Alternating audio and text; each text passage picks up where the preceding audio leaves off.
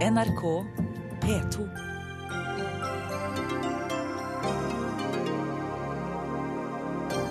«18 timer på overtid skal Norsk Industri og Fellesforbundet være enige om en tariffavtale. Vi finner ut hva avtalen innebærer for resten av lønnsforhandlingene. Uakseptabelt, sier juseksperter om soningsforholdene til Anders Behring Breivik. Bistandsadvokat forsvarer den lange isolasjonen. NRK bør heller gå i dybden enn å utkonkurrere kommersielle medier, mener Civita, møter kringkastingssjefen til debatt.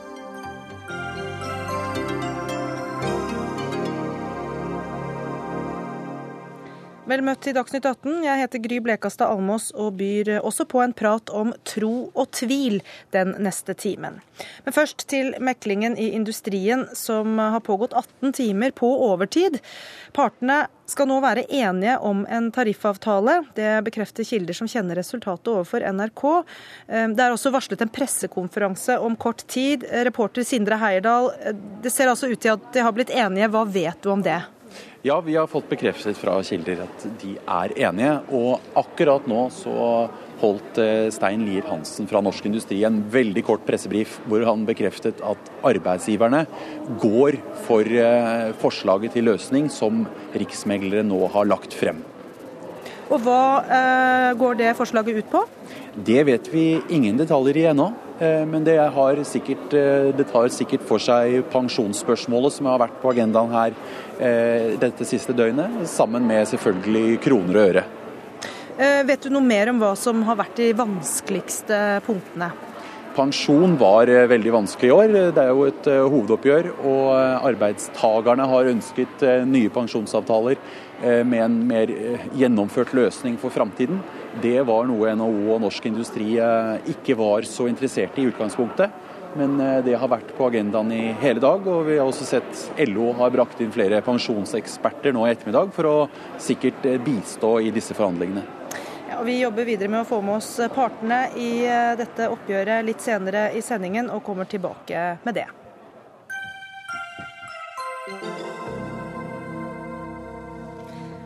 Aldri tidligere har en fange i norske fengsler vært isolert så lenge som Anders Behring Breivik. Helt siden sommeren 2011, i 33 måneder, har han vært eh, innesperret på det som eh, kalles særlig høyt sikkerhetsnivå. I dag går flere juseksperter og forsvarsadvokater ut med kritikk av soningsforholdene i Aftenposten. Geir Lippestad, eh, forsvarer for Anders Behring Breivik. Hva mener du er galt med soningsforholdene hans? Det som er Problemet er at han sitter isolert, og har gjort det helt siden han ble pågrepet, faktisk. Eh, så det begynner å dreie seg om en lang tid. Og det vi vet om isolasjon, det er at eh, sitter du isolert over lang tid, så påfører det et menneske skade.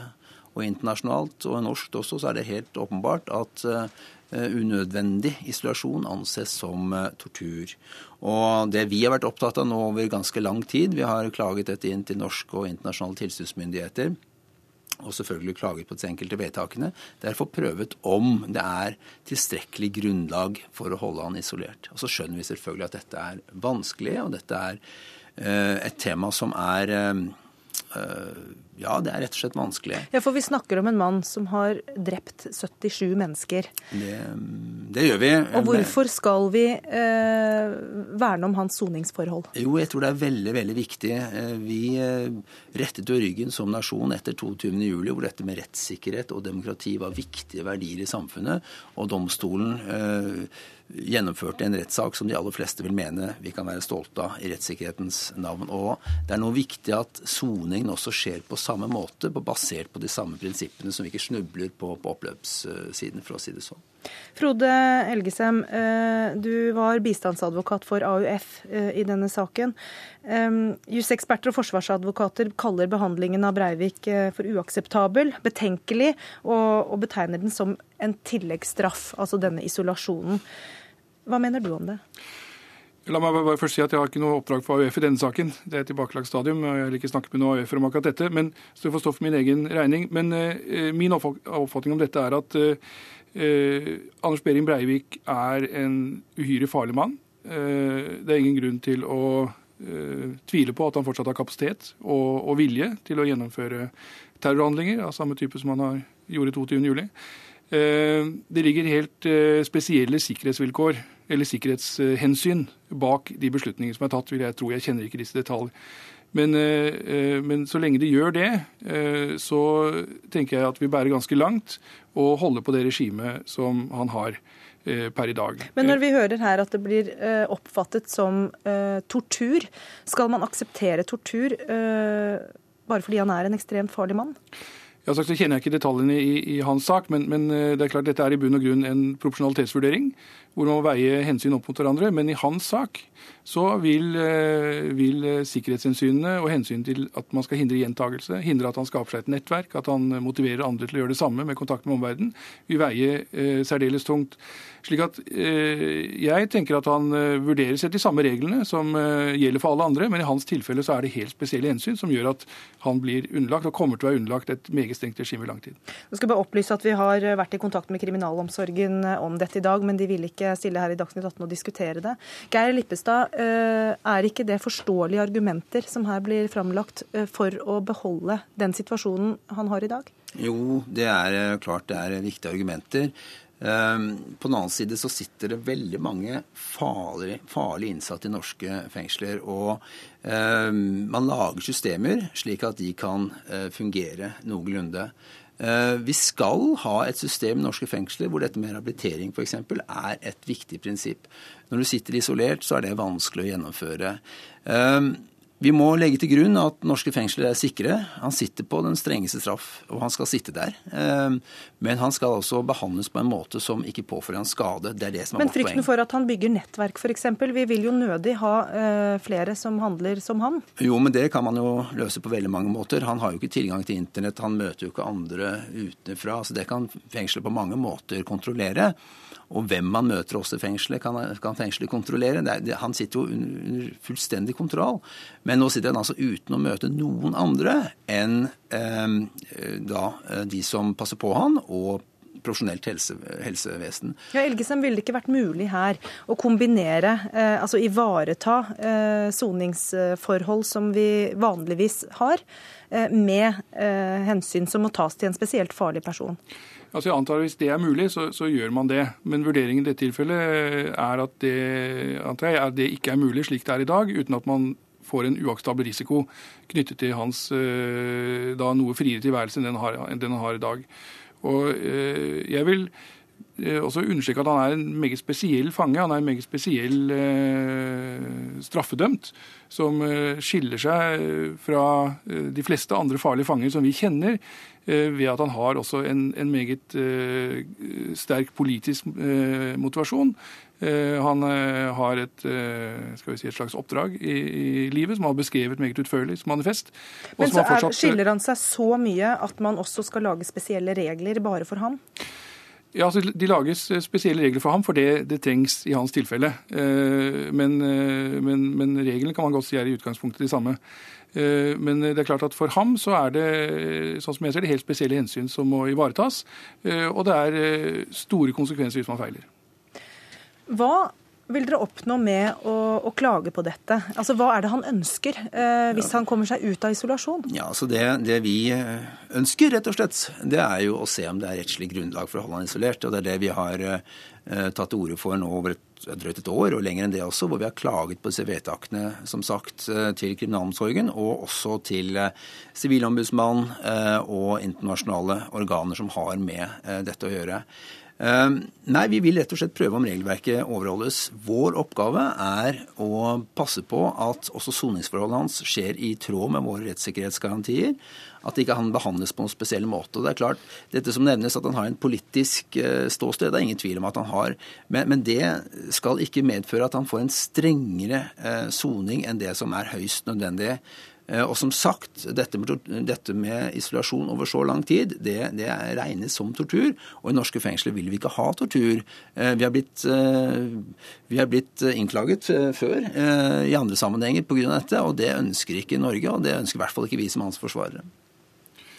Nei, og Vurderingen mot eh, grensen mot tortur er, er, vanskelig. Jeg tror det i dette tilfellet vil bero uh, mye på sikkerhetshensynene, hvor sterke de er, og om det er profesjonalitet mellom de tiltakene eller de, det regimet han er under, og, og de, de sikkerhetshensyn som gjelder. Og Da vil du hele tiden måtte vurdere om det er mildere Eh, soningsforhold som er mulig. Eh, som sagt, Jeg kjenner ikke de konkrete forholdene her, men jeg antar da at eh, vedtakene bygger på at det er per i dag ikke mulig. Men vi, står vi i fare for å gå bort ifra viktige prinsipper fordi denne saken er så spesiell, og fordi denne personen er så spesiell, og fordi det er så mye følelser også naturlig nok involvert? Det er jo det som vi er litt bekymret for. Og jeg tenker at begreper som Eh, rettssikkerhet, menneskeverd og menneskerettigheter, det er jo ting som er lett å snakke om når det er enkle ting å forstå.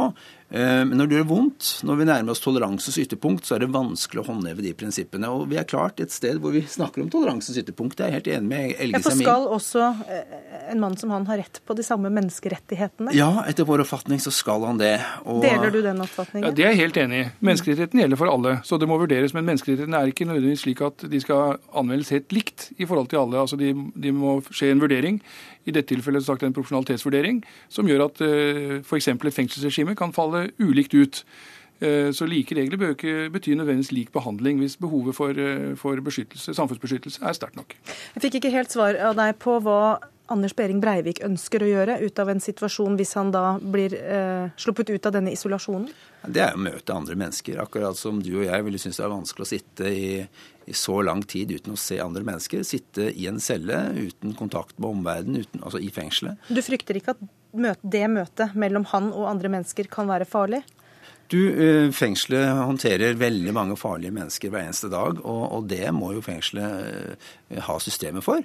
Eh, det vi vet, er at Breivik har sittet nå i 33 måneder uten å verken vise sinne eller aggresjon eller på noen som helst annen måte. Så, så det tror vi at, at fengselet kunne håndtere. Iallfall så må man jo forsøke det, og eventuelt inndra hvis det ikke går. Vi får se hvor klagene bærer hen. Takk til Geir Lippestad og Frode Elgesem. Dagsnytt 18 alle hverdager kl 18.00 på NRK P2 og NRK2.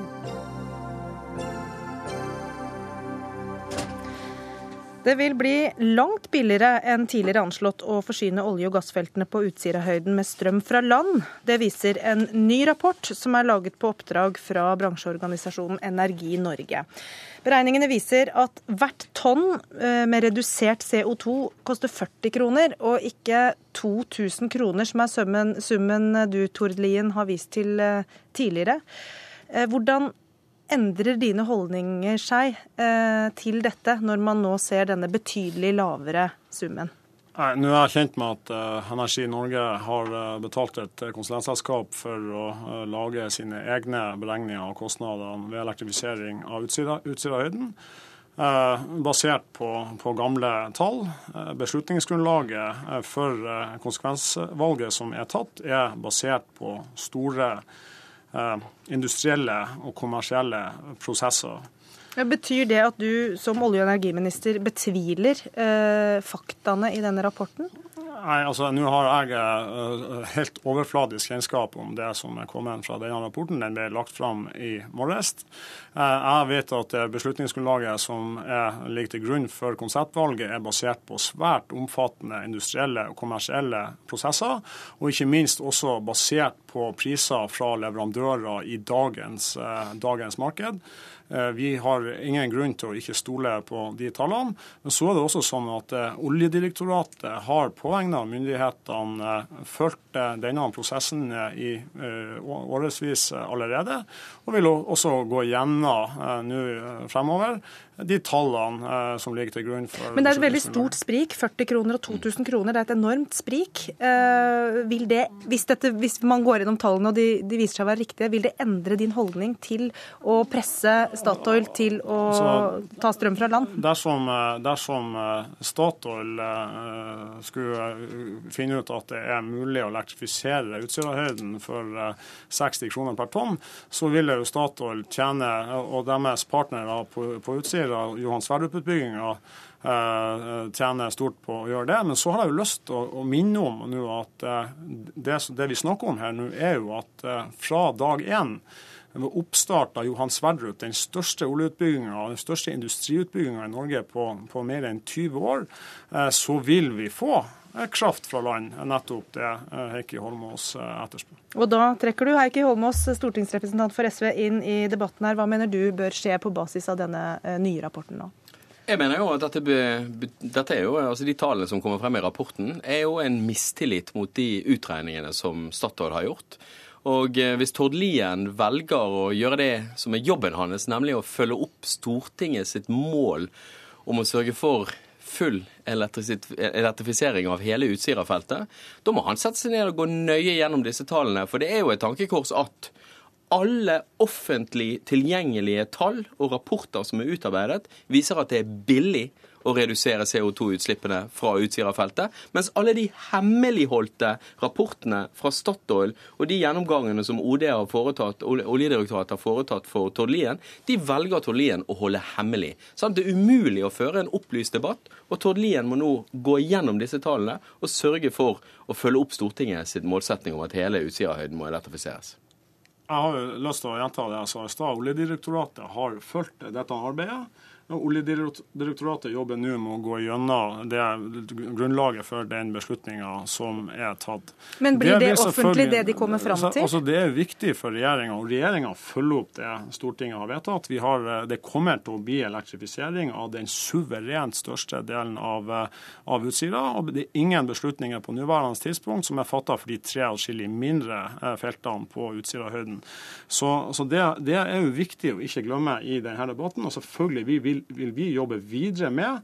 Eh, all informasjon som kommer, eh, som kommer, frem i denne debatten, men vi har ingen grunn til å ikke uh, ha tillit til Det er litt vanskelig å forholde seg til så sprikende tall når man da har hemmelighold av bakgrunnen for hvordan man kommer fram til noen av tallene. Vil du jobbe for å åpne opp informasjonen om altså, hvordan man har regna ut? Det er Regjeringa opptatt av å ha en god uh, debatt om, om, dette, og ha, at den er tilstrekkelig opplyst. Og selvfølgelig vil, vil vi sørge for at når Stortinget skal behandle denne saka, så vil Stortinget få den det er jo altfor seint.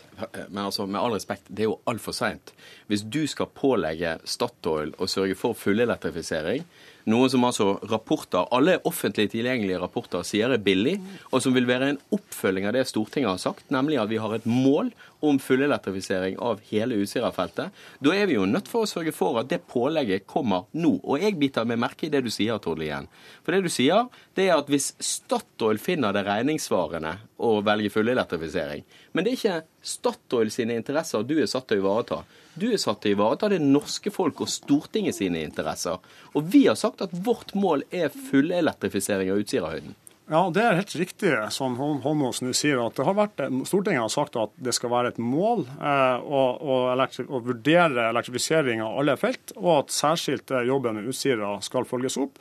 Så har Stortinget vært akkurat like klar på at det viktigste virkemidlet for å realisere elektrifisering på norsk sokkel skal være den samla summen ved kostnad for klimakvote. For alle norske eh, utslipp på norsk sokkel er underlagt klimakvoteplikt pluss eh, CO2-avgift på totalt ca. 460 kroner per tonn. Det er den politikken du sto for i regjeringa, både når man behandler petroleumsmelding og ikke minst når man behandler klimamelding. Men er du enig i at 40 kroner er langt unna de 460 kronene du eh, snakker om? Det er riktig. Så har jeg også sagt at den, altså, altså den beslutninga som eh, konseptvalget som er tatt, er basert på tunge industrielle prosesser, og ikke minst på, basert på priser i dagens marked, ikke bare på bakgrunn av, eh, av gamle tall som Energi Norge sin rapport er. Nei, Energi Norge sier bl.a. at de legger til grunn oppdaterte tall på hva det koster med strøm, som er mye lavere enn det vi antar at Statoil har lagt frem i sine beregninger. Og Det er jo det som er problemet. Vi får jo ikke tatt en ordentlig debatt, for Statoil sine tall er jo hemmelige. Og Tord Lien bidrar jo ikke til å offentliggjøre det. Og Derfor vil jeg spørre, jeg vil stille deg ett spørsmål til, Tord Lien. Fordi at Stortinget har inngått et klimaforlik. Vi er alle sammen enige om å redusere de norske klimautslippene. Og vi trenger ny politikk som reduserer med 8-10 millioner tonn. Det er hele den norske bilparken sine årlige utslipp. Hvis du Miljødirektoratet sier at det er avgjørende å elektrifisere nye felter. Har du tenkt å slippe ut mindre CO2 i 2020 enn det du gjør i dag? Og er du enig da at vi er nødt for å få til en fullelektrifisering fra Jeg utsida? er, jeg er i, hvert fall, i hvert fall veldig klar på det at vi følger opp det Stortinget har vedtatt i klimaforliket. Og Der er det altså snakk om at det er først og fremst eh, CO2-avgifter, og da på sokkelen kombinert med klimakvoteplikt, som skal være det viktigste virkemidlet for å redusere utslipp av CO2. Det mente du, Eike Holmås, når du satt både i storting med rød-grønt flertall og i regjering i forrige Men- periode. men Tord Lien- Så noterer jeg meg at du mener noe annet. Nei, vet du hva, Tord Lien? Stortinget har vedtatt at vi skal redusere klimautslippene, og det er det som er målet.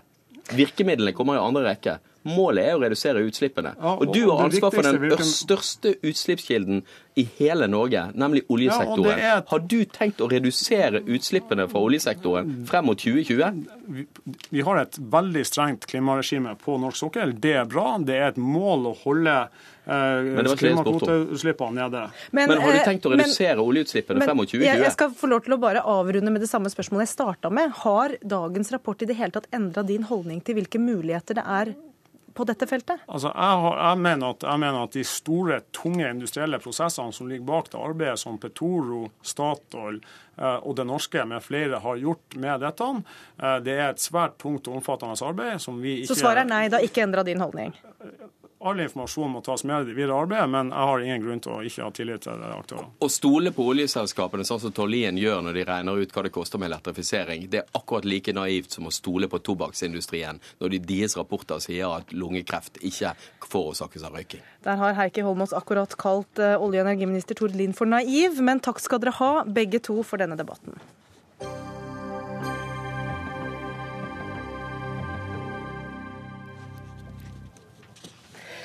Dagbladet reduserer diktaturet i Nord-Korea til et tabloid sirkusnummer, mener redaktøren i Manifest Tidsskrift. Han møter Dagbladet til debatt litt senere i Dagsnytt 18. Nå skal vi til et av de virkelig store spørsmålene i livet. Det skal handle om tro og tvil, og formulert på følgende måte av Espen Ottosen i en helt ny bok. Hvorfor skriver ikke Gud på himmelen? Du er jo da kjent som skribent og som informasjonsleder i Misjonssambandet, og en veldig overbevist eh, kristen, men eh, du etterlyser altså tegn fra Gud. Hvorfor det? Ja, Tittelen på denne boka den fikk jeg for 25 år siden av en kamerat. Jeg er jo vokst opp eh, i et bedehus. Eh, og Vi var på en kristen ungdomsleir, og så var det en kamerat som stilte spørsmålet hvorfor skriver ikke Gud på himmelen? Hvis han virkelig fins og vil at folk skal tro på han, hvorfor gjør han ikke mer ut av seg? Har du funnet svaret? I boka så presenterer jeg jo en god bukett med svar, som jeg syns er rimelig gode, men fullt og helt svaret Nei, det vet jeg ikke. Jeg kjenner jo sjøl at jeg gjerne skulle, en gang iblant i hvert fall, opplevd enda sterkere at eh, Gud grep inn i mitt liv. Et par eh, mirakler eh, om dagen, hadde jeg nær sagt, kunne jo vært greit å oppleve. Eh, Og samtidig så spør jeg jo også meg selv i denne boka om jeg ser godt nok etter. Og eh, av og til så spør jeg også meg selv om, eh, om jeg ville opplevd flere mirakler hvis jeg faktisk ba om dem. Så jeg er innom mye forskjellig i, i denne boka, men selve spørsmålet er altså hvorfor griper ikke Gud mer inn? Og for en mann som faktisk tviler en del, så syns jeg det er et godt spørsmål. Ja, For det er du ganske åpen om i, i boka her. Du tviler eh, mye. Og det kan jo være overraskende, for du er jo kjent som en ganske sånn kompromissløs eh, debattant på mange, ja. mange måter. Hva går tvilen ut på? Nei, altså, jeg tror kristne tviler på mange måter. Jeg tviler sånn helt grunnleggende. Er det noen Gud i det hele tatt? Eh, Jeg har møtt en del kristne som ikke har det sånn, som syns det er helt opplagt at Gud fins. Selvfølgelig gjør han det. Eh, Sånn er det rett og slett ikke for meg. Og jeg sier det i boka med en dansk kollega som sier at eh, av overbevisning er jeg kristen, av natur er jeg ateist. Eh, Og litt sånn er det for meg. Og det gjør også at når jeg møter Tom Egeland og prater med han om tro og tvil, så sniker tvilen seg inn, og så tenker jeg ei, ei, ei, kanskje han har rett. Det er For jo ved din side her, eh, for de som hører oss på radio og ikke ser oss på TV, så sitter Tom Egeland, eh, selv, selverklært ateist, eh, forfatter, og blant annet så kommer du med en bok nå som handler om Jesus. Eh, Men altså, jeg jeg kan spørre, har, har, tviler du, eller er du bastant ateist? Jeg definer, definerer meg som ateist. Det er klart, Jeg er jo et undrende søkende menneske, jeg også, som kristne er, og som jeg tror de fleste mennesker er. Eh, jeg fyller ikke min undring med guder og mirakler og, og en tro på egentlig noe annet enn naturen og, og universets mangfoldighet. Altså jeg, jeg ser på dette altså hvis, hvis, kunnskapen om universet er Empire State Building, så tror jeg at vi mennesker liksom har oversikt over de to første millimeterne av universets uh, under, altså størrelse. Det er jo så mye. Så du tror at det fins noe mer? Nei, men altså, jeg fyller ikke de resterende etasjene med guder. Uh, men jeg mener jo også at altså et tema som tro lar seg vanskelig debattere. For tro er jo en indre glød, det er en overbevisning, eller det kan være en tvil. Men det er jo en søken etter noe. Eh, så jeg kan ikke sitte med Espen og, og de, egentlig debattere finnes Gud. Altså ingen av oss vet. Han tror, jeg tror ikke. Men det er klart vi kan jo diskutere Vil vi f.eks. ha et samfunn basert på religion, eller vil vi ha et sekulært samfunn, som, som jeg ønsker meg? Du har lest eh, boka hans. Absolutt. Hva syns du? Du, jeg likte den veldig godt. Eh, det er en god bok, ikke minst fordi Espen jo våger å være så åpen og ærlig som nok ganske mange kristne er inni seg. Altså at de er litt usikre. Altså, og Det ligger jo også i menneskets natur. Jeg elsker jo å få min ateisme utfordret. Eh, jeg synes det er fanta Jeg har lest veldig mye, altså både denne type apologetbøker, da, men også teologi skrevet av dypt teologer. Og jeg elsker jo å få min forestillingsverden utfordret, og at, at mine resonnementer blir satt på prøve. og, og Espen argumenterer jo veldig godt for at det må finnes en gud. Eh, det er bare det at jeg ikke tror jeg på den, og hvis det finnes en gud, så skjønner jeg ikke hvorfor skal det være den kristne guden, hvorfor den guden fremfor andre guder. Så du klarer ikke å være helt overbevisende her i argumentasjonen din, da? Nei, det er jo eh, bare noe man må ta til etterretning. Eh, og jeg tror jo ikke vi klarer å bli enige om disse spørsmålene. Men noe av det som jeg syns er spennende å drøfte i boka, det er jo også hvordan skulle Gud klart da, å overbevise f.eks. Tom Egeland? Hvor kraftige midler måtte han tatt i bruk? Og jeg spør jo også i boka om Gud fort ville havne i en situasjon hvor han tvang mennesker til tro. Hvis han begynte å uh, skrive på himmelen og, og rett og slett uh, sørge for at man måtte tro. Og, og, det er vel et av de svarene jeg gir i boka, at jeg tror ikke en gud som er god, tvinger, rett og slett. Men Tom Egeland, hva skulle til, da? Nei, altså Det skal ikke veldig mye til hvis en gud sier til meg at hei, her er jeg. Altså, Da ligger det jo i vår natur å tro. men, men, men kunne du ikke trodd at det var en hallusinasjon?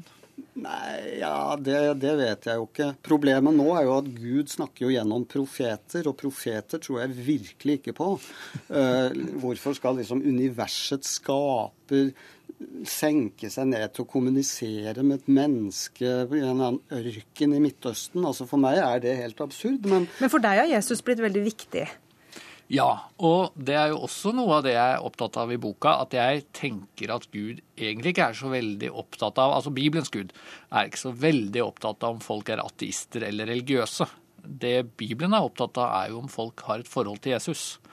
Eh, og Derfor så er jeg jo litt skeptisk også til om det ville nytta så veldig mye for Gud å skrive noen ord på himmelen. Fordi at hvis kristendom da handler om Jesus, og det handler om korset, og det handler om forsoning og tilgivelse og alt dette, eh, så blir eh, spørsmålet om Gud fins, det er viktig nok, men, men det er på en måte ikke det som er det viktigste. Men uh, hvis det som er viktig for Gud er at folk er opptatt av Jesus, så kvalifiserer du kanskje Tom Egeland, for det er altså han som er uh, tema for din neste bok? Ja da, altså jeg er jo grenseløst opptatt både av Gud og Jesus. Jeg tror bare ikke at de var de personene, eller gudene Jesus er jo egentlig også en gud når det kommer til stykket. Eh, for meg er Jesus en historisk skikkelse. Ja, jeg tror det fantes en mann som het Jesus. Jeg tror han var en reformator av den jødiske tro. Jeg tror han var et veldig ålreit menneske, for å si det banalt. En god filosof. Men for meg var han ikke Guds sønn. Hvor stor plass er det til tro i samfunnet vårt i dag? Espen Ottosen? Nei, Når jeg snakker med Tom Egeland, så blir jeg jo fornøyd fordi at han eh, viser en betydelig åpenhet og nysgjerrighet og interesse for kristen tro og andre eh, overbevisninger. Eh, men jeg har jo skrevet denne boka også fordi at jeg selv har møtt veldig mye aggressiv ateisme, vil jeg si. Eh, hvor budskapet er at du er jo ikke riktig vel bevart eh, hvis du tror på Gud og hvis du er kristen. Eh, og det tror jeg jeg klarer å få fram i denne boka, at det fins gode grunner for å være kristen.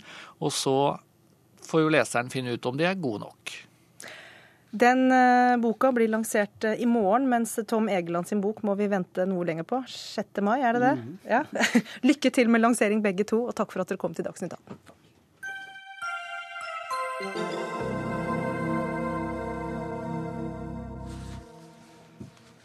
NRK bør slutte å dekke de populære idrettene og ha mindre barne-TV. Det mener Civita.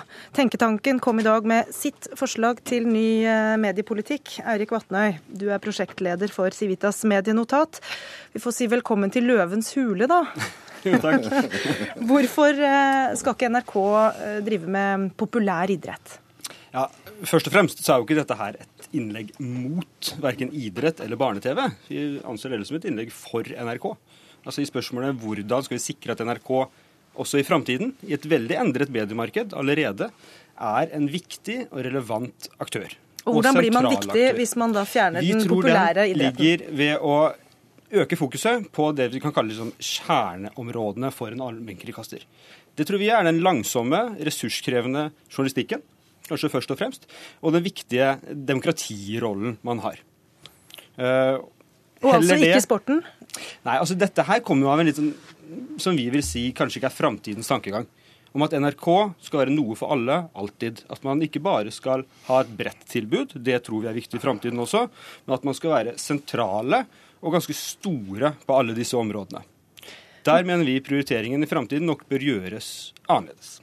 Og hvis du da kort skal si hvordan det skal gjøres annerledes, så er forslagene De konkrete forslagene vi kommer med i denne rapporten fra Civita, det er å rett og slett fjerne eller å nedjustere en del hensyn som tas i NRK-plakaten, som går på større sportsbegivenheter, og den veldige speilingen av liksom, grupper og, og, mangfold på den, den, måten. Og heller styrke den biten som går på mer eh, tradisjonell public service tankegang.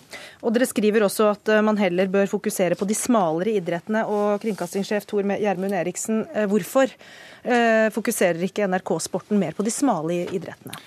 Vi er den eneste medieinstitusjonen som faktisk gjør det, og har et bredt ansvar i forhold til å, å, å dekke idrett for funksjonshemmede, dekke nye idretter, dekke mindre kommersielt attraktive rettigheter. Men det er viktig. Eh, han, han eh, snakker om en tradisjonell public- eller allmennkringkastertankegang. Eh, den jo, består jo nettopp av et eh, viktig kultur- eh, og språkpolitisk oppdrag. Men for å kunne bære det ut, så må du også ha en bred appell og nå et bredt publikum. Men samtidig så er det jo andre aktører klare til å ta de store og populære arrangementene. Og hvorfor skal ikke da NRK heller sørge for alternativene? Jo, men det er jo ikke sånn at hvis NRK ikke har en del av disse sportsrettighetene, så går det til andre norske aktører. Eh, det har vært et viktig politisk engasjement i Norge også for å knytte idrett og samfunn og kringkasting sammen. Eh, at man har bred eh, publisering av viktige idrettsbegivenheter. Diskusjonen på Stortinget de siste årene har jo mer gått hvilke rettigheter, hvilke begivenheter må vi sikre sikre at det norske folk har fri tilgang til. Og jeg tror at hvis NRK hadde forsvunnet fra det markedet, så er det svært få av de kommersielle aktørene som ville konkurrert med å kunne gi disse eh, begivenhetene eh, på fri-TV til det norske publikum. For Du snakker jo også om at du mener at NRK skal være eh, bredt i tilbudet framover. Og hvordan kan man gjøre det hvis man sier fra seg en del av disse eh, områdene som det er konkurranse om? Ja, Vi mener at det er jo en del områder hvor, hvor eh, folk får sett sport, og for de som er ute etter det. Og, og det er mange som er interessert i å sende sport. Og, og, det ser man bare på hva som har skjedd de siste årene. OL i vinter var jo et godt eksempel på det. Eh, og en helt riktig prioritering fra NRK sin side, vil jeg si. Folk får sett OL, de som ønsker det. Eh, og det er jo klart mange sender OL, og det er godt produkt fra andre aktører. Eh, men akkurat hvilke idretter dette her er, det er jo den type diskusjon som, som, som, kanskje er litt snevrere. Men dere nevner ski og fotball? Ja, vi nevner det som eksempler. Eh, og, og når det er aktører som er villige til å sende det, så mener vi at kanskje NRK kan prioritere annerledes på de områdene. Jeg, jeg opplever at, For det første opplever jeg at eh, kronikken og innlegget er, som du sa også, eh, den, den grunnleggende tilnærmingen deres er mm. at NRK er Norges viktigste medie- og kulturinstitusjon. Jeg er veldig opptatt av at det skal fortsette. Jeg oppfatter også at du er det. Mm. Men hvis vi skal ha en allmenn finansiering der hele det norske folket er med på å spleise, som dere mm. sier i deres kroni, så må vi også nå hele det norske folk med godt og kvalitativt godt innhold. Og det er ikke sånn at vi kan bestemme oss den ene dagen, for i dag skal vi være veldig viktige, for i dag har vi noe smalt eh, kulturstoff eller språkstoff. Så på tirsdag skal vi være viktige. Mens på andre dager så er det ikke så farlig å nå bredt. Det er jo nettopp den brede posisjonen vi har. Og dere viser selv til at, eh, at 74% av lisensbetalerne i Norge mener de får god eller svært god valuta for, for, lisensen. Det er jo den brede posisjonen som gjør at vi er i stand til å nå fram med smalere innhold mellom, det, mellom eh, de gangene vi virkelig lykkes med å lage en fellesarena i Norge. En annen Her ting tror jeg man er inne på noe, noe, helt sentralt. og Det er jo det som handler om lisensaksepten. Eh, og Den er høy i Norge, og det er veldig, veldig bra. Men vi er nok litt mindre bekymret for den enn en kringkastingssjefen er. Eh, og vi jeg ser jo hva det, som Men vi ser jo hva som har på en måte vært legitimeringen og begrunnelsen for allmennkringkasteren er ganske forskjellig i Norge eh, og f.eks. Sverige. I Norge så har vi en veldig sånn bred tanke om dette her, hvor ideen om lisensaksepten har stått veldig veldig sterkt. Og NRK som fellesarenaen, som kulturbærer, alt dette her har vært veldig viktig for å begrunne dette i Norge. Og vi trenger ikke dra lenger enn til Sverige, som sagt, før man har mer fokus da på demokratirollen på den eh, tradisjonelle kvalitetsjournalistikken. At det er det som legitimerer. Men kan jeg bare spørre deg, hva som er, hva som er galt med barne-TV f.eks.? Det er en annen ting dere eksemplifiserer med, at det mm. kan NRK drive mindre med. Hvem andre er det som lager nyheter for barn f.eks.? Nei, altså vi synes ikke det er noe galt med barne-TV. Men vårt poeng her er at det har blitt en mangedobling på barne-TV-satsingen. Barn ser langt mer TV i dag. Og det er en utvikling som ikke kommer av at NRK på en måte har anledning til å til å tilby flere timer barne-TV for barn, men det er en endring som skjer i mediekonsumen som NRK går etter. Og av disse 5000 timene, nesten 5000 timer, som NRK sender med barne-TV i året, så er det ikke alt der som er på den egenproduserte, høy kvalitets, eh, f.eks. dette her med nyheter for barn, som du nevner. Eh, selv om man nok i fremtiden gjerne bør prioritere det også. Nå skal eh, NRK straks sende fra pressekonferansen i lønnsoppgjøret, så, men kringkastingssjefen skal få slippe til allikevel. Ja, altså, jeg, jeg, må kommentere dette om demokratirollen. Uh, altså, vi har akkurat vært gjennom en valgkamp for et halvt år siden. Aldri før har så mange unge mennesker sagt at det var en, de programmene de så på NRK som var et viktig grunnlag for deres valg. Mm. Jeg opplever ikke at vi og SVT i Sverige har en ulik tilnærming til det. Og så til barn. Når jeg så det, da, for dette diskusjonen om vår rolle er bra at er der. Diskusjonen om sportsrettigheter er der alltid. Men når jeg så at barne-TV kom opp, da tenkte jeg at er det virkelig 2. april, eller kom dette liksom en dag for seint? Fordi på TV så er det NRK som er den ene som lager et ikke-kommersielt norsk innhold på norsk språk fra norsk virkelighet for norske barn, bl.a. Supernytt. dette er innhold som det norske samfunnet, et bredt flertall i Stortinget har sagt at dette ønsker vi ikke å kommersialisere. Men nå sender jo NRK Super også utenlandsk TV jo, dubba til norsk. Det er jo ikke bare det norskproduserte. Ikke, ikke, ikke bare. Men, men, jeg tror at uh, dette området og den, disse produksjonene ville ikke noen ha gjort. Det ville vært umulig å, å finansiere kommersielt. Uh, og uh, om vi hadde tillatt det, så, så, Og vi ønsker jo ikke heller å, å finansiere den type innhold. Nei, Erik Vatnøy, Hvem andre ville laga Supernytt, da? Eller den type programmer? For det første så er det, dette er jo attraktive ting, vil jo vi tro. Folks betalingsvilje, eller foreldres betalingsvilje, er jo høy på mange måter. Vi ser jo at folk kjøper jo gladelig barnebøker. Og der har vi et bredt tilbud, uten at dette her er eh, finansiert gjennom Men er det ikke en allmennkringkasters rolle også å hjelpe de barna som ikke har foreldre med betalingsvilje, da? Er ikke det, ja, det et element? Ja, det kan man jo si, men vi har jo heller ikke tatt orde for å fjerne all barne-TV. Det er som sagt det at du har en kontinuerlig barne-TV-sending, så vi heller mener at man heller burde prioritere ned og legge mer vekt på der man faktisk supplerer med kvalitet. Og de programmene dere nevner her, som Supernytt, er jo utmerket eksempler på Jeg, jeg fikk, et, fikk, et, brev fra Bernt Apeland, som er generalsekretær i UNICEF for ikke så lenge siden. og Han, eh, han sier at vi takker dere for at dere kontinuerlig setter barns situasjon på dagsorden, både her hjemme og ute. Uten dere ville vår jobb vært mye vanskeligere. Takk for at dere i NRK tar barna på alvor ved å produsere gode programmer for, av og med barn. Mm. Og den jobben er noe Hvis vi skal begynne å snakke om kjernene ja, på en allmennkringkaster, så mener jeg vi er så midt i kjernen som det overhodet går an å være. Nå skal jeg, mm. Vi er nødt til å avrunde. Eh, da skal jeg bare sitere, jeg også, men mm. fra Facebook i dag. Når mm. vi snakka om at vi skulle ha dette på i Dagsnytt 18, så var det en som mener at NRK bare prøver å kopiere de dårlige programmene på TV 2, TV Norge og TV 3, og det vil vi tape seere på. Mens en annen uh, skrev at NRK bør satse på alt det Civita sier dere ikke skal satse på. Så her er det ulike meninger i folket. Absolutt man burde satse på den type Eh, valgdekning, som du nevnte fra SVT, og også for gode, kvalitative barne-TV. Takk skal du ha, Eirik Vatnøy, som altså er prosjektleder for Civitas medienotat, og takk også til kringkastingssjef Tor Gjermund Eriksen. Hør Dagsnytt 18 når du vil. Radio NRK Radio.nrk.no.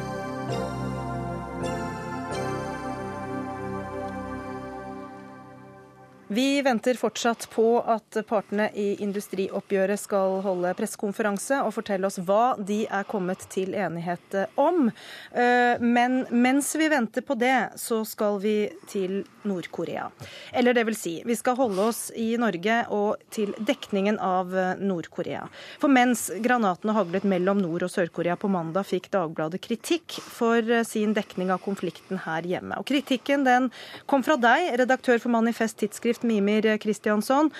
Du mener altså at avisa bruker den nordkoreanske diktatoren Kim Jong-un for å få mest mulig klikk på nettsiden. Hvilke saker er det du reagerer på?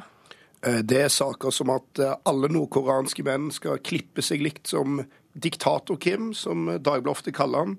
Eh, det er saker som at alle nordkoreanske menn ikke skal klippe seg likt som diktator Kim likevel, for den saken var ikke riktig. Det er saker som at nordkoreanske myndigheter snakker om engjøring av Nord-Korea. Det er saker som at diktator Kim har forelska seg i en popstjerne. Er diktator Kim på svensk TV? Nei, det var han visst ikke likevel. Det var bare en spøk. Eh, det er en rekke sånne veldig klassiske klikknyheter som Dagbladet kjører på internett, og som tar utgangspunkt i diktator Kims elleville sprell. Og det som jeg mener er dårlig med å i lengden lage underholdning av dette, er at det er et samfunn som er verdens mest brutale og grusomme diktatur, med enorme lidelser for befolkningen som bor der. Eh, det er helt sikker på at Dagbladet også er enig i. Eh, men jeg tror nok at noen ganger faller man for fristelsen for å få lettvinte klikk, og det syns jeg er en uting når det er såpass alvorlige lidelser vi snakker om. Ja, nå skal vi høre da fra Sunn Heidi Sæbø, som er kveldsredaktør i Dagbladet, men også tidligere korrespondent i Kina, og som da har dekket Nord-Korea bl.a. Eh, hva sier du til påstanden om at alle disse sakene er for å generere klikk? Du, eh, Når jeg leser denne kritikken, så tenker jeg Mimir har rett og slett ikke forstått hva disse sakene handler om. For oss gir disse sakene et veldig viktig og nødvendig innblikk i hvordan verdens mest lukkede land fungerer. Um, sånn at det at han avviser stempler disse sakene som trivielle, da har han misforstått. Men diktator Kim, eh, et tilnavn som det Han er diktator, og han heter Kim. Men hårklippen, at mm. menn skal klippe seg som er det, er det vesentlig journalistikk? Du, Det er vesentlig fordi det sier noe om hvor um, dypt regimet griper inn i menneskenes uh, liv i Nord-Korea.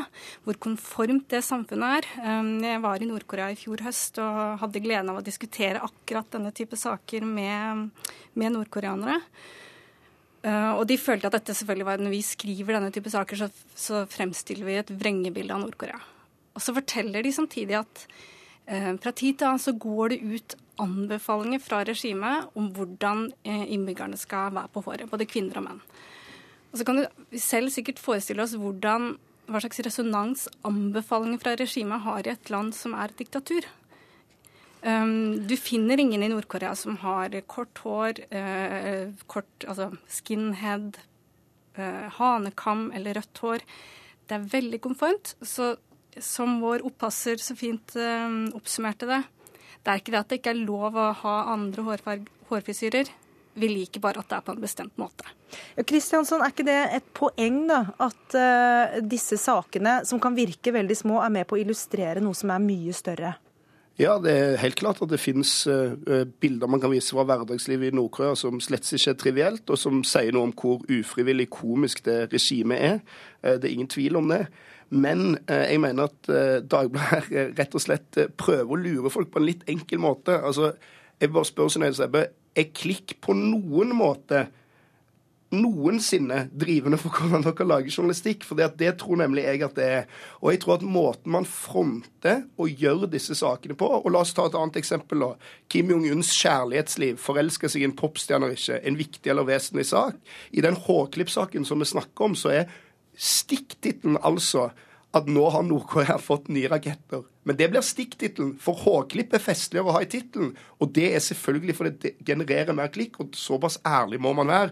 Alle som har jobba i nettavis, alle som kjenner noen som jobber i nettavis, vet at det er et drivende faktor, men det er dessverre ikke så pent å se på når det dreier seg om noe veldig alvorlig, sånn som det Nord-Korea er, og som jeg er helt sikker på at du òg er enig i at det er. jo egentlig ikke en avsløring. At vi er opptatt av å skrive saker som er viktige og relevante for leserne, det kan jeg fortelle deg. Det er ingen avsløring. Um, du snakker om uh, kona til Kim Jong-un. Vet du hva, det er faktisk For de som følger Nord-Korea tett, så er det veldig oppsiktsvekkende at Kim Jong-un har en kone som han viser fram. Det brøt med alle konvensjoner uh, sommeren 2012 da han viste fram sin kone. Det hadde ikke skjedd før. Um, og det er klart at De som følger Nord-Korea tett, de er veldig opptatt av å se jaha, viser dette at Kim Jong-un er mer vestligvendt, at han er mer formvennlig. Og Ri Sol-Jul, som er hans kone, hun, jo, hun skaper jo mye debatt i Nord-Korea også. Hvorfor bærer ikke hun pinn uh, av Kim Il-sung, slik som alle voksne nordkoreanere er pålagt? Hvorfor kler hun seg i uh, elegante designerklær? Tegn på vestlig dekadens dette er absolutt viktig. Ja, Er det ikke Mimir Kristiansen, er det du som blir litt sånn svar skyldig her, som bare avslører at du egentlig ikke har god nok kunnskap om samfunnet i Nord-Korea? Altså, Jeg er klar over en del av disse tingene. Jeg er selvfølgelig ikke noen Nord-Korea-ekspert. Det er det nok de færreste i Norge som er. Men jeg er også en slags ekspert på journalistikk, og man skal lenger ut på landet hvis man mener at dette ikke er et sensasjonspreget nyheter. Og Sunn Heidi Sæbø sier jo at hun vil lage saker som er viktige og relevante for folk, men det er ikke bare det klikkjournalistikk handler om. Og f.eks. dette tilnavnet Diktator-Kim, f.eks. denne saken om kjempesoldaten som er spotta i en demonstrasjon på Pyongyang, som han spekulerer om skal være 2,5 meter høy, eh, f.eks. denne saken om enhjørninger i Nord-Korea. Det finnes en lang rekke med sånne eksempler. og når den typen saker om relativt trivielle forhold blir dominerende i nettavisdekningen til Dagbladet, så mener jeg at det er dårlig med hensyn til den alvorlige og trengte situasjonen. Det, må, la oss ta det først. Må det være et kuriøst poeng for at man skal klare å selge inn en sak om Nord-Korea? Er det liksom sånn fatt i Dagbladet? Nei, vet du hva, overhodet ikke. Og jeg stusser jo litt over um, det selektive utvalget til Mimir her når han skal ta for seg Dagbladets dekning av Nord-Korea. For de sakene han trekker fram nå, f.eks. om, om enhjørningen og denne kjempesoldaten, de går tilbake til 2011. Det han har unnlatt å, å vise til, er jo f.eks. da FN la fram sin rapport om menneskerettighetssituasjonen i Nord-Korea nå i februar. I farten så telte jeg seks saker og to kommentarer. Um, jeg stusser over at det ikke er uh, en del av hans gjennomgang. Det er, det er, jo kjempebra at Dagbladet dekker det, men det oppsiktsvekkende er ikke men at Dagbladet av og til Men da er det jo ikke snakk om at det er sensasjonspreget. Det er ikke oppsiktsvekkende. Jo, det er veldig sensasjonspreget, den uretten som foregår der. Men der er det jo en sensasjon, det som skjer med befolkningen i Nord-Korea. Men det er jo ikke oppsiktsvekkende at Dagbladet skriver én og annen eller en og noen noen saker. Seks saker, seks og, to saker og to kommentarer da, om uretten om en FN-rapport. Det mm. oppsiktsvekkende er alle trivialitetene man dekker i tillegg. Og når du kommer med en rekke interessante Men når du må tilbake til 2011 bare, for å finne disse kuriøse sakene, så altså, syns jeg jo kanskje det er en litt sånn selektiv, Nei, eh, kreativ bokføring. Vil Men vil, vi se, vil vi se noen endring i måten Dagbladet omtaler Nord-Korea på framover, eller uh, står man støtt på den måten man har dekket det på til nå? Du kommer ikke til å se noen endring, fordi det som eh, Mimir mener er trivielt, når vi viser at f.eks. Kim Jong-un åpner et skianlegg, det er veldig viktig, for det viser hvordan dette regimet har vært i stand til å omgå sanksjonene som skal, skulle ramme regimet. Men hvis Dagbladet hadde lagd skikkelig journalistikk, så ville jeg visst dette når jeg leste saken. Men dere men gjorde denne viktige saken. Ja, det gjør det, men jo, jeg har lest saken, ja. men dere fronter og vinkler denne saken som en triviell tullesak. Og det er grunnen til at alle de tingene du forteller nå, som vi gjerne skulle ha lest til Europa. Da må vi få høre Mimir Kristiansson. Eh, kan du gjenta det, for det ble litt snakking ja, Mitt poeng er bare at alle de tingene som Sunn Heide Sæbø, som jeg har stor respekt for, og helt sikkert vet mye mer om Nord-Korea enn meg Hvis det var sånn Dagbladet skrevet saker, så ville vi ikke hatt den debatten. Men det er altså ikke dette fokuset, disse vinklingene, dette tittelvalget, disse bildene man velger. Man velger diktator-Kim. Man velger elleville, kuriøse, eksotiserende forhold. Og det gjør man bevisst, selvfølgelig, fordi man ønsker å generere klikk- og annonseinntekter. Sånn er bare nettaviser. Det påstår altså Mimir Kristiansson, men får motbør fra Sunn Heidi Sæbø i Dagbladet, som eh, argumenterer for at de dekker Nord-Korea på en skikkelig måte. Takk skal dere ha, begge to.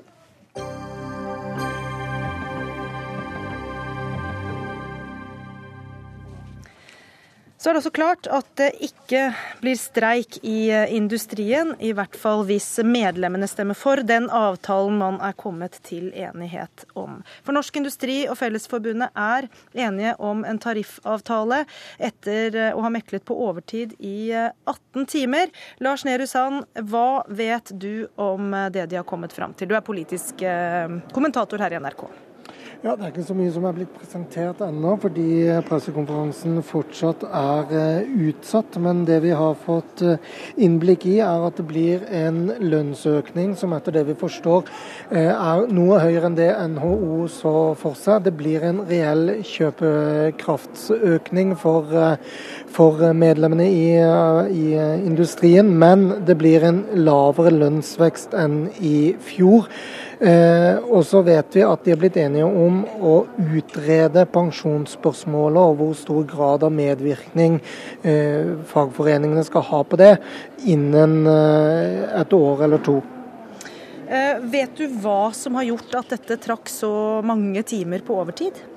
Det var jo at det tar lengre tid å bli enige om detaljene her enn man så for seg. Samtidig så hadde man da et realistisk håp om å bli enige. Jeg tror for Riksmekleren også var det viktig å holde partene inne i forhandlingsrommet så lenge som mulig, og, og sikkert helsemessig altfor lenge, men, men, altså da eh, 17 timer på overtid eh, tok det. Og man har forhandla i ett uten å sove, og da blitt enige om eh, en eh, skisse som eh, begge parter har kunnet leve med. Og Det er kanskje vanskelig å si noe foreløpig om det var Eh, kroner og øre som var eh, vanskelig, eller om det var punktet om pensjon som, eh, som, gjorde at dette tok så lang tid? Ja, Vi får la partene selv legge dette frem først, før vi drar analysene for langt. Men det er i hvert fall sånn at man har kommet frem til gode kompromiss begge steder. Og selv om LO ikke har fått gjennomslag på på langt nær så hva skal vi si, bastante måter som de fremmet krav på hva angår pensjon, så har de i hvert fall fått anerkjent et prinsipp prinsipp som NHO jo før dette begynte sa at de ikke engang ville snakke om. Men nå har de altså kommet frem til en tekst, om ikke så forpliktende. Og På kroner og øre da så blir det en større lønnsøkning enn det NHO krevde. De ville se totallet, men det går altså mot en lønnsøkning på 3,3 eh, totalt. Eh, og det er da lavere enn lønnsøkningen i fjor, som vel var på 3,7% men godt over totallet. Vi har uh, Arve Bakke, uh, unnskyld, det har vi ikke. Vi har Kristine Nergård, forsker ved Fafo, og Steinar Holden, som er professor ved Økonomisk institutt på Universitetet i Oslo, uh, med oss i studio. Og dere har rukket å lese pressemeldingen fra um, Norsk Industri. Og hva er det de legger vekt på i det resultatet som er kommet? Nergård. Ja, det... Du har kanskje ikke rukket å lese så mye? Nei, de, de legger jo vekt, vekt, på at man har kommet fram til en løsning. Og den rammen på 3,3% og sier vel at det er et krevende oppgjør, men at man er glad for at man allikevel kom fram til en løsning. Og Hva tenker du da om den, eh, det tallet, hvis du kan gripe fatt i det først? 3,3% Det er jo et moderat oppgjør, gitt eh, at man har med seg et eh, overheng fra i fjor. Altså resultater, effekter av resultat, fra, fra forrige lønnsoppgjør at man må regne med at det blir eh, penger også i de lokale lønnsoppgjørene. Så jeg tror det er vanskelig å se at man hadde kommet noe mye lavere.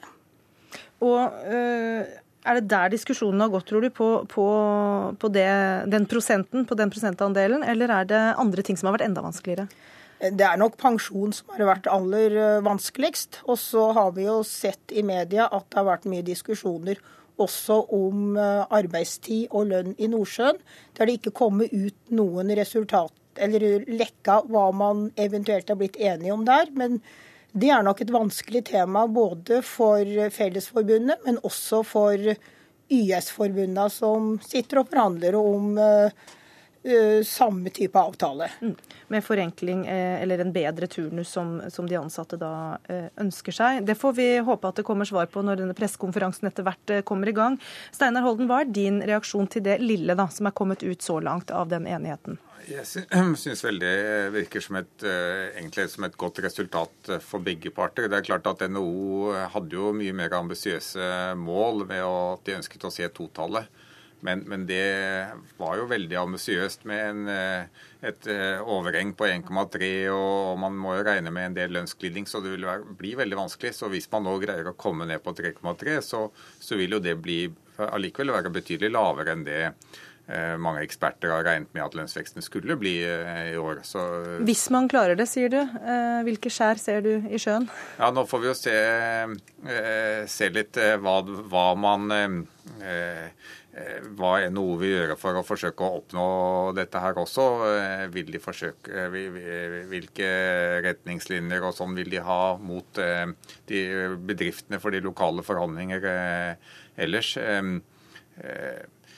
så var det vel slik at man måtte også gi noen ting generelt tillegg her også. Så 0, altså 75 øre er vel på linje med hva man kanskje måtte regne med. Mm. Det som er spennende her nå, det er, det er, jo hva som blir innholdet i denne utredningen om pensjon. Hva, eh, I hvilken grad vil en sånn utredning innebære noe som helst forpliktelse sett fra NHOs side? Og, og, hva skal de utrede? Skal de utrede en eh, LOs krav, eller skal de utrede en mer begrenset eh, løsning? Ja, Når de har sittet 18 timer på, eller 17 timer på overtid bare for å bli enige om at den skal utredes, så må det jo være vanskelige ting de skal utrede? Ja, det har, ja, dette her med pensjon har jo vært et prinsipp for NHO. De har jo ikke ønska å snakke om dette her. Nå avbryter jeg fordi pressekonferansen går i gang akkurat nå. Vi ser hva vi får med oss. Det er en løsning som eh, begge parter har kunnet anbefale. Eh, grunnen til at vi har funnet fram til det, er det gode arbeid som har vært gjort fra eh, begge partssida over flere dager. Det har vært krevende og langvarig. Men jeg har opplevd det som en veldig konstruktiv eh, prosess, basert på god tillit mellom eh, eh, partene. Og ved at vi har da tatt den tid som har vært nødvendig, og gjort det nødvendige for å løse de vanskelige spørsmålene som er. Hvis de har noen spørsmål til selve meklingen, så kan jeg svare på det. Eller så går ordet videre til, til partene til å gjøre greie for selve innholdet. Da Er som har spørsmål til selve meklingen? Da er vi ferdig med det. Det ser ikke sånn ut. Da starter vi med deg, Arve Bakke, og som uh, kommer fra arbeidstakerne, Fellesforbundet. Vær så god. Ja, det har jo uh, vært ei lang uh, mekling. Det har vært krevende spørsmål. Vi har hatt eh, tjenestepensjon, som eh, er et eh, omstridt tema. Vi har forsøkt å legge en økonomisk ramme som skal ivareta den konkurransen. Ja, det var det vi rakk av en eh, søvndrukken Arve Bakke fra Fellesforbundet. Og riksmekler Nils Dalseide hørte vi også først. Vi får eh, følge dette i andre NRK-sendinger utover kvelden.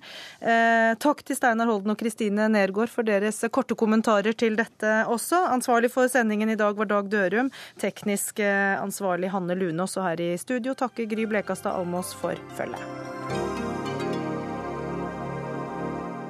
Hør flere podkaster på nrk.no podkast.